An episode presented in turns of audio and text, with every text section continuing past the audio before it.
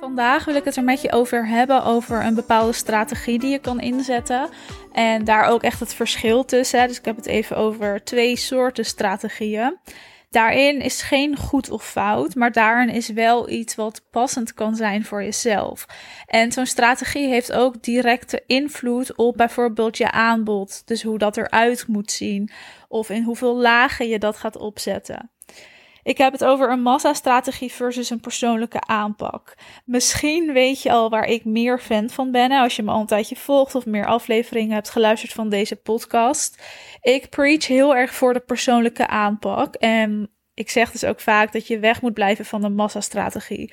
En dat zeg ik, maar dat is ook vooral omdat ik daar fan van ben en echt de voordelen daarvan inzie. Tegelijkertijd weet ik dat er ondernemers zijn die juist heel erg houden van die massastrategie. En daarom wil ik in deze aflevering daar dus de nuance in geven van het is allebei mogelijk.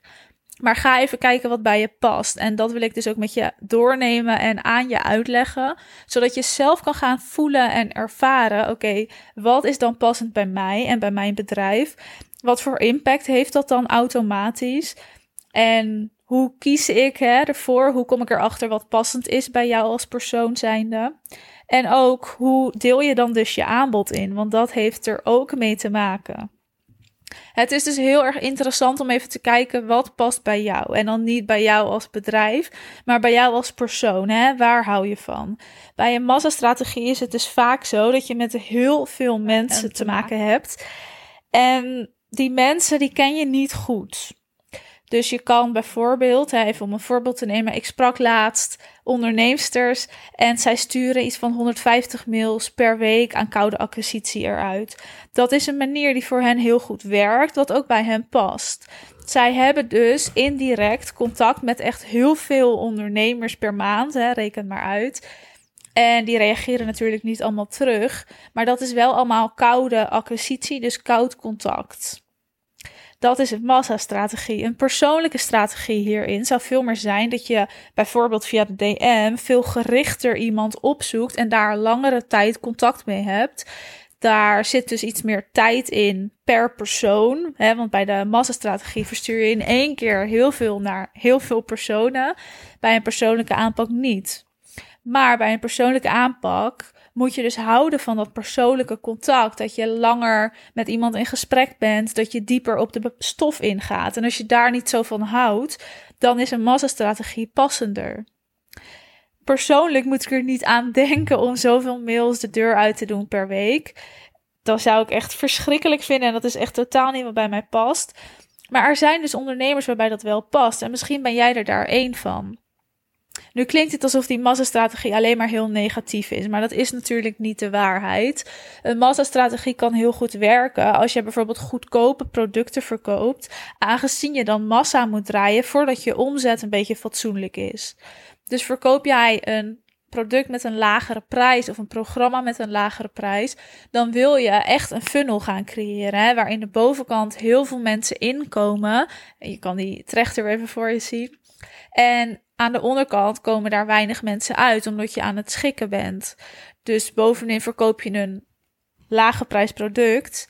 En daarin zullen er altijd mensen doorgaan naar misschien een wat hoger geprijsd product.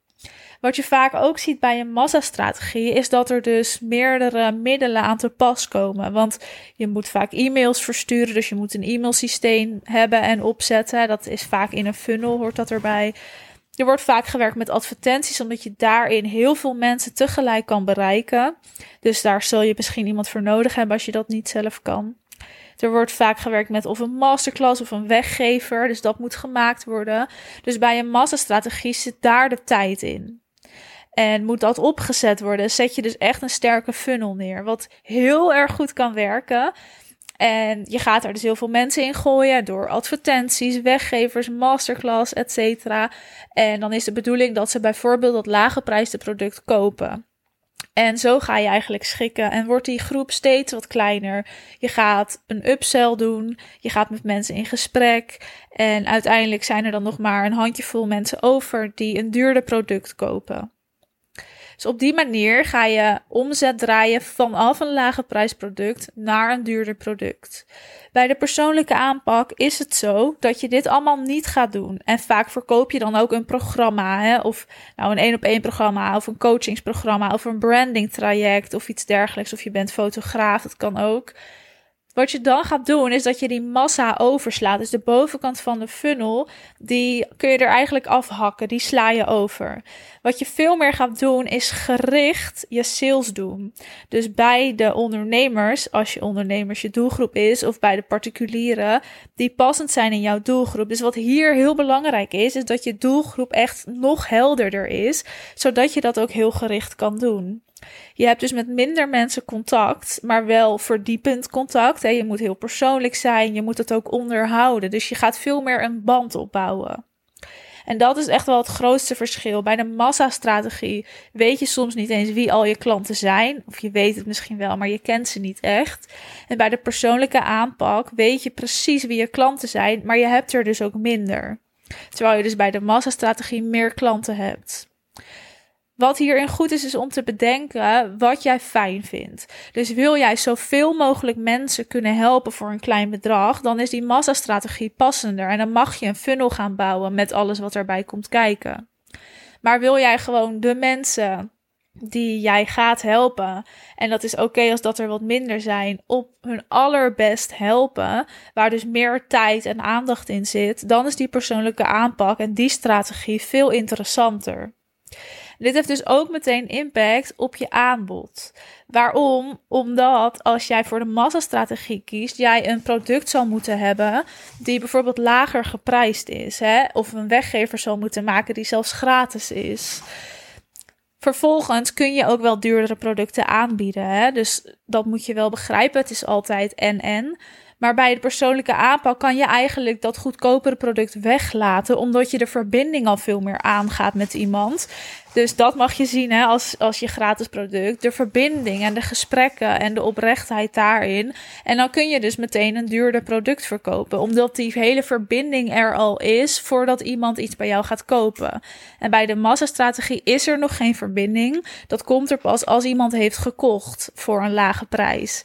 Met een lage prijs bedoel ik soms dat het maar 7 euro kost of maar 50 euro kost. Hè, dus onder de 100 euro.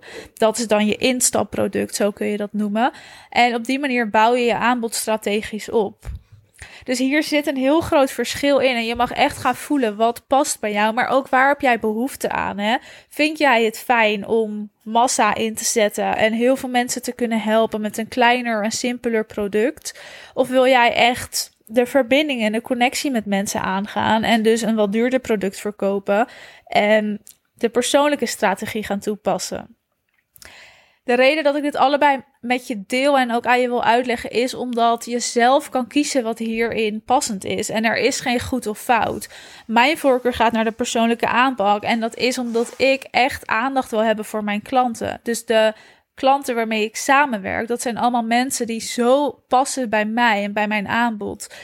Die ik, waarvan ik ook zeker weet, hè, ik kan hen zoveel verder helpen. En wij kunnen met z'n tweeën, als wij samenwerken, echt iets heel tofs neerzetten. Als ik dat gevoel niet heb, ga ik niet met iemand samenwerken.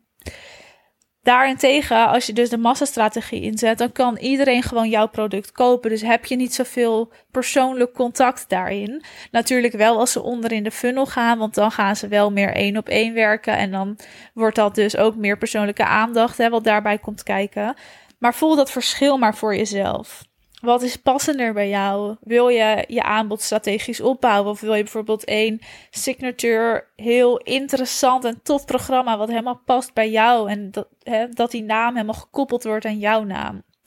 Dus wat is passender bij jou? En ga daar maar over nadenken. Wat past bij jou als persoon en wat voor impact heeft dat dus op je bedrijf, op de verkopen en ook op je aanbod en ook op de middelen die je dus gaat inzetten. Welke kanalen? Ga je een funnel bouwen? Moet je een e-maillijst opbouwen? Dat is allemaal afhankelijk van welke strategie jij wil inzetten. Dus daar mag je beginnen.